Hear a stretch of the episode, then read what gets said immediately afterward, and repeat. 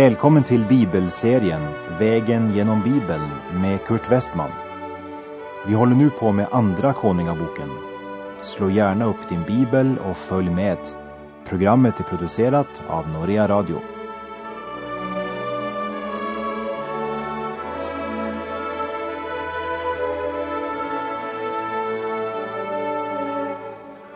Vi avslutade förra programmet med att höra hur den unge Elisa övervann frestelsen att stanna i Gilgal. Han föll inte för frestelsen att leva på gamla upplevelser, hur viktiga och centrala de än var. Han stannade inte vid minnesmärket i Gilgal, vid ceremonier och ritual utan han gör Elias sällskap vidare till Betel. Men han stannade inte heller i Betel, Guds hus, platsen där Guds folk samlas.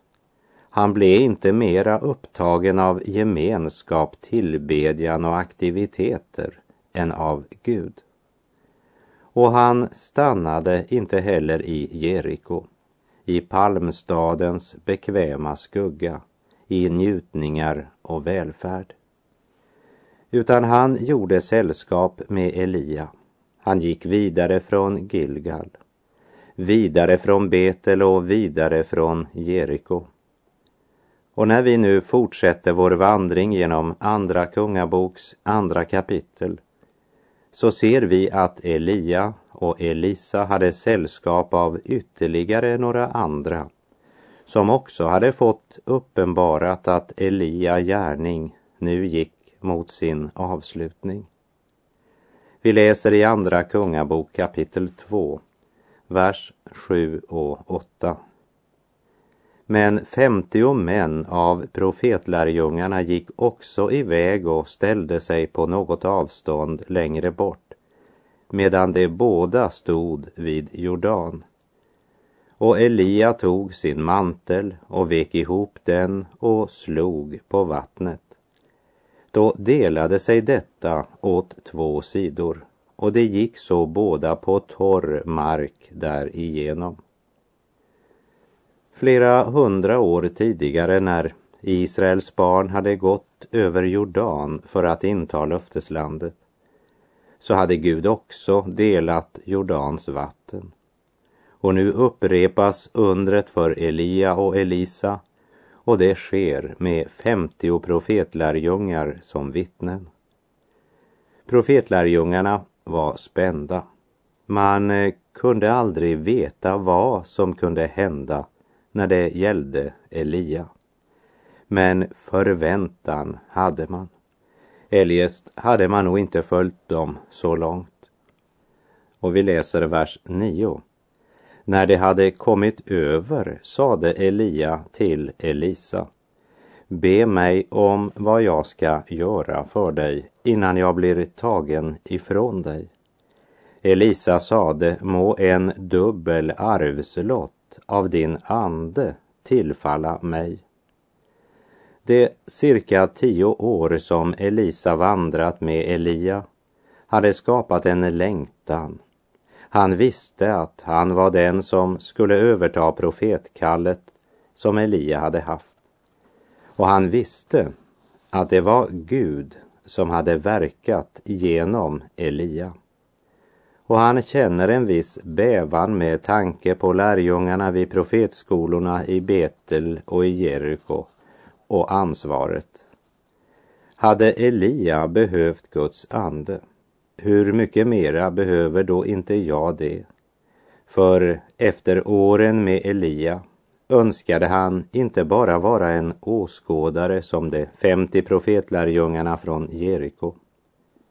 Och så ber han om en dubbel arvslott av den ande som vilade över Elia. Och Elia vet att det är det Gud som bestämmer. Därför överlämnar han än en gång hela saken i Guds hand. Elia kunde inte ge gåvan. Den kom från Gud. Men Elisa fick ett yttre tecken som skulle vara en bekräftelse. Vers 10 och 11. Han svarade, du har bett om något svårt, men om du ser mig när jag blir tagen ifrån dig, då kommer det dock att ske dig så. Om inte, så sker det ej. Medan det nu gick och talade syntes plötsligt en vagn av eld med hästar av eld och skilde de båda från varandra. Och Elia for i stormvinden upp till himmelen. Ett dramatiskt slut på ett dramatiskt liv och en fantastisk start på en ny gärning. Och nu ser Elisa hur den gamle Elia hämtas av en vagn av eld. Det var slutet på en epok, ett flammande farväl. Och vi läser ifrån Andra Kungabok kapitel 2, verserna 12 till och med 14. Och Elisa såg det och ropade Min fader, min fader du som för Israel är både vagnar och ryttare. Sedan såg han honom inte mer och han tog tag i sina kläder och rev sönder dem i två stycken. Därefter tog han upp Elias mantel som hade fallit av denne och vände så om och ställde sig vid Jordanstranden. Och han tog Elias mantel som hade fallit av denne och slog på vattnet och sade Var är Herren, Elias Gud? Då nu också Elisa slog på vattnet delade det sig åt två håll och han gick över. Elisa hade upplevt ett bokstavligt talat flammande farväl. Men plötsligt såg han inte Elia mer liksom han hade lärt sig att övervinna frestelsen att stanna i Gilgal, i Betel eller Jeriko, så övervann han också frestelsen att förbli på den plats där han sett eldvagnen hämta Elia. För Elisa så var inte detta att se eldsvagnen något mål i sig. Men det var den stadfästelse han behövde för att våga vandra vidare. För han visste att på andra sidan Jordan väntar 50 profetlärjungar från Jeriko och vid profetskolan i Betel väntar andra. Elisa hade förstått att han kunde inte leva på det som Elia hade gjort hur mäktiga och stora ting det än var. Han skulle inte starta en Elia-organisation. Men han behövde själv vara utrustad med samma andliga kraft. Och nu hade tiden kommit för att börja profetgärningen. Elia var nu borta. Elisa står ensam kvar. Nej, han är inte ensam. Gud var med honom. Elisa vet att kraften ligger inte i manteln. Inte heller är det Elisa som har kraften, men Gud. Elisa slår på vattnet och säger, var är Herren, Elias Gud? Här har vi verkligen något att lära idag. Istället för att se till en speciell kvinna eller man eller till någon speciell metod eller strategi för att få hjälp som många människor gör. Varför inte lyfta vår blick upp till Israels Gud? Elisa slår på vattnet och vattnet delar sig precis som för Elia. Det är något mer än bara teori. Makten är i Jesu händer. Allt är honom underlagt. Dödens udd bruten, ondskans makt är krossad. Han har vunnit seger, han har makt. Elisa slår på vattnet och vattnet delar sig som för den gamla profeten Elia.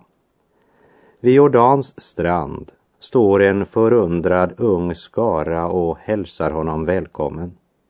De har själva varit vittnen till att Elias ande och kraft nu vilade över Elisa. Vi läser vers 15 till och med 18. När profetlärjungarna som var vid Jeriko på något avstånd såg detta sade de Elias ande vilar på Elisa. Och det kom honom till mötes och bugade sig ned till jorden för honom.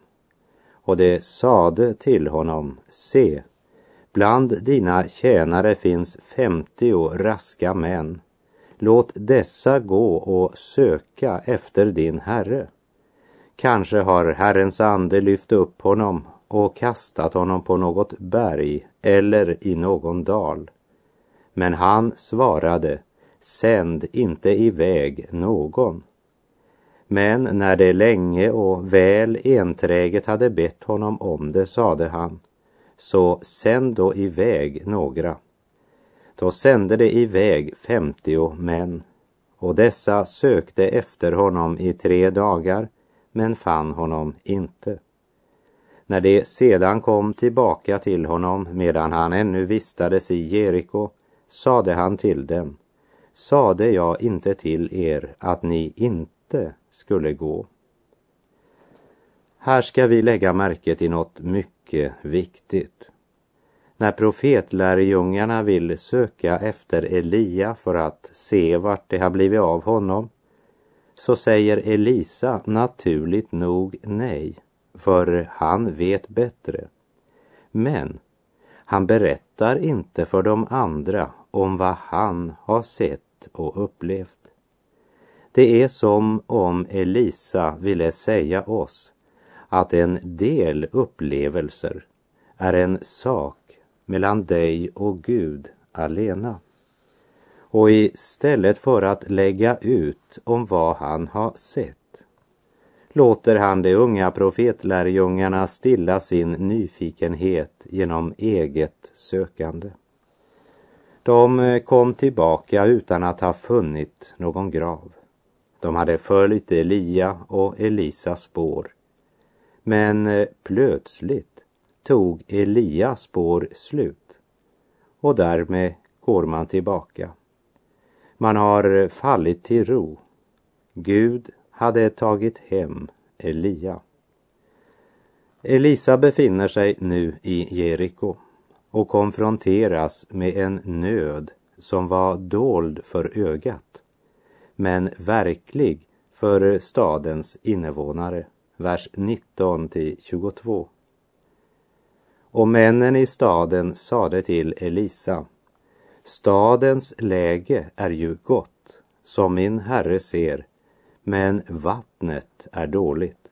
Och därav kommer missfall i landet. Han sade, hämta hit åt mig en ny skål och lägg salt i den. Och det hämtade en åt honom. Därefter gick han ut till vattenkällan och kastade salt i den och sade Så säger Herren, jag har nu gjort detta vatten sunt. Död och missfall ska inte mer orsakas av det och vattnet blev sunt och har förblivit så ända till denna dag i enlighet med det ord Elisa talade. Männen i Jeriko sa, stadens läge är gott, men vattnet dåligt och därav kommer missfall i landet.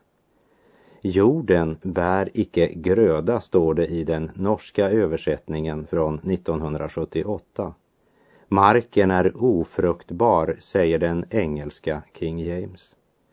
Stadens läge är gott, det vill säga en tillfälligt förbipasserande turist skulle kanske önska att han bodde i en så fin stad. Ett härligt utflyktsmål för en lång weekend. Men för dem som bodde där var verkligheten så annorlunda.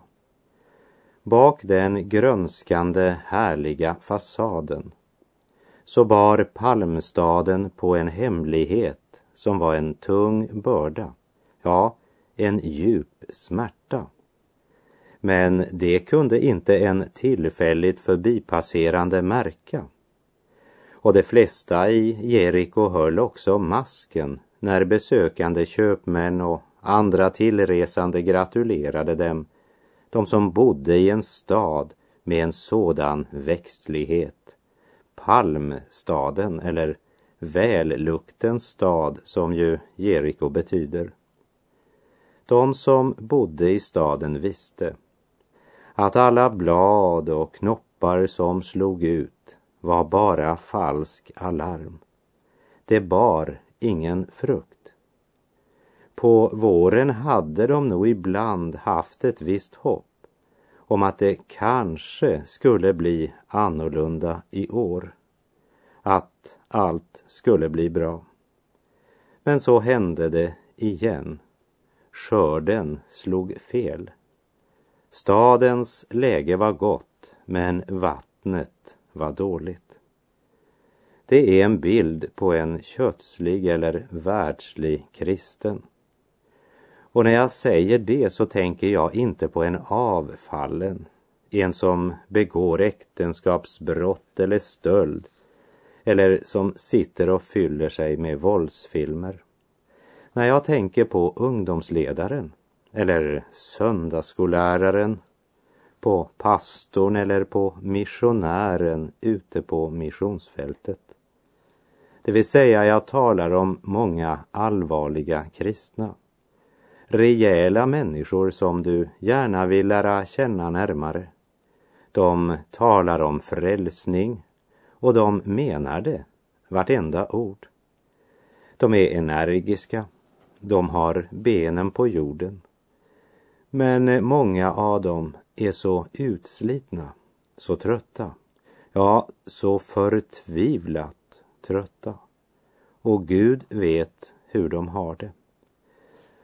För i sitt inre bär de på en känsla av fruktansvärt nederlag, brustna förhoppningar, tomhet och brist på andlig kraft.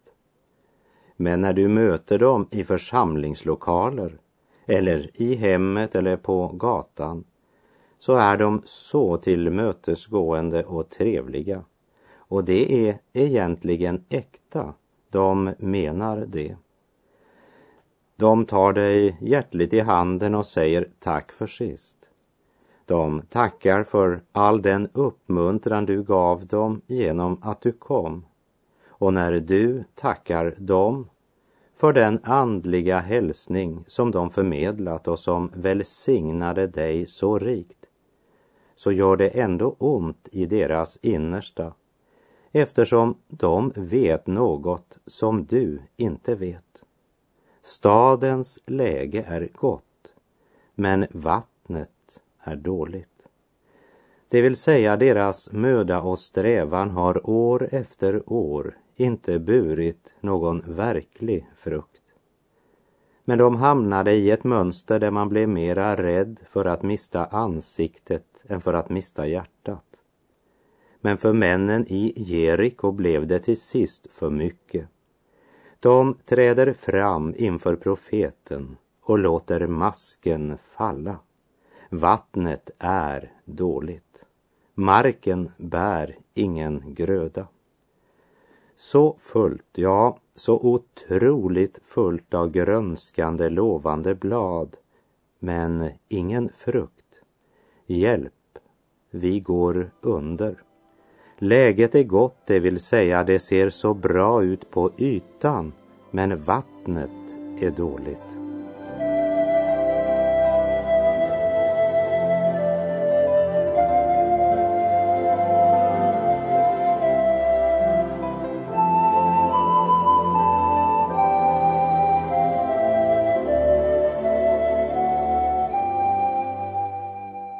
Efter att männen i Jeriko har låtit masken falla inför Herrens profet så säger han hämta en ny skål med salt. Här behövs något helt nytt. Och det nya ska fyllas med ett bestämt innehåll, nämligen salt. Saltet står som en bild på Kristi uppståndelseliv. I Romarbrevet 5, vers 10 läser vi Ty om vi, medan vi var Guds fiender, blev försonade med Gud genom hans sons död, hur mycket säkrare ska vi då inte bli frälsta genom hans liv nu när vi är försonade? Jesus lever och hans uppståndelseliv som ges åt syndaren genom att den helige ande flyttar in i hjärtat. Det är saltet mot andlig missväxt. Jesus lever. Han är verksam och du blir frälst genom Jesu liv. Och det livet vill han leva i dig genom den helige Ande hämta en ny skål. Det vill säga, låt Gud skapa något nytt. Ta fram din bibel. Ta tid till ordet, till stillheten och bönen. Gå till Jesus, för där finns det salt nog för det dåligaste vatten. Efter Jesu uppståndelse kom det en dag då lärjungarna stod på berget i Galileen och hörde Jesus säga när den helige ande kommer över er ska ni få kraft att bli mina vittnen i Jerusalem och i hela Judeen och Samarien och ända till jordens yttersta gräns. När han hade sagt det så såg de hur han lyftes upp och ett moln tog honom ur deras åsyn. Jesus lämnade jorden. Men på pingstdagen kom han tillbaka, men utan kropp denna gång. Därför säger han till sina lärjungar, nu måste jag få använda din hand, dina ben, din röst. Men vi kan inte gå i egen kraft. Vårt vatten är dåligt. Och Gud vet hur kraftlösa vi är i oss själva. Gud vet att vi saknar kraft. Och han vet att om vi ska kunna utföra orden han givit oss så behöver vi hans kraft. Och han säger inte gå till ett andligt hälsostudio, träna, suggerera dina känslor ta dig samman. Nej, han säger hämta en ny skål med salt. Sök in till ordet. Där finner du Jesu uppståndelseliv. Ty om vi medan vi var Guds fiender blev försonade med Gud genom hans sons död, hur mycket säkrare ska vi då inte bli frälsta genom hans liv när vi nu är försonade. I Jesu död är alla våra synder och missgärningar försonade. I Jesu liv är vår frälsning, frälsta genom hans liv, mitt i vår vardag. Låt mig berätta något som hände i Norge under den tid den haugianska väckelsen gick fram över landet. Två haugianerbröder möttes i staden Skien vid älvbredden. Gud välsigne arbetet, säger han som kom gående och den andre svarar Ja, det är viktigt att trofast utföra Guds gärning. Och vad var det så han jobbade med? Ja, han monterade och justerade ett kvarnhjul. Är det Guds gärning? Hör, min kära vän. Gud älskar att ha gemenskap med den som står vid diskbänken eller på kontoret eller i riksdagshuset. För han är lika mycket där som på predikostolen. Vår Gud är vardagens Gud. Som gamla Oskar Hansen i Oslo presenterade sig första gången jag mötte honom. Oskar Hansen, kallad av Gud till färghandlare, sa han. Ser du ditt arbete på det sättet och ser du Gud på det sättet, då kan du vara ett salt i världen. I sin bergspredikan sa Jesus i Matteus kapitel 5 och vers 13. Ni är jordens salt. Men om saltet förlorar sin sälta, hur ska man då göra det salt igen? Det duger bara till att kastas ut och trampas ner av människor. Kära vän, är du en kristen, så lev som en kristen. En stad som ligger på ett berg kan inte döljas, sa Jesus. Det hjälper inte att stadens läge är gott om vattnet är dåligt. Hämta en skål med salt. Elisa sade, hämta åt mig en ny skål och lägg salt i den. Och det hämtade en åt honom. Därefter gick han ut till vattenkällan och kastade salt i den och sade, så säger Herren, jag har nu gjort detta vatten sunt Död och missfall ska inte mer orsakas av det. Och vattnet blev sunt och har förblivit så ända till denna dag i enlighet med det ord Elisa talade. Sök in till ordet. Där finner du Jesu uppståndelseliv. Läs det som det står, tro det som det står och du ska få det som det står. Ty om vi, medan vi var Guds fiender, blev försonade med Gud genom hans sons död, hur mycket säkrare ska vi då inte bli frälsta genom hans liv när vi nu är försonade? Och med det så får jag säga tack för den här gången. Så ska vi i nästa program bland annat se på de sista verserna här i kapitel 2 där Elisa uttalade en förbannelse över några gossebarn så att 42 barn dödades. Hur kan en Herrens profet göra något sånt? Ja, vi ska se på bakgrunden för den händelsen i nästa program. På återhörande om du vill. Herren vare med dig. Må hans välsignelse vila över dig. Gud är god.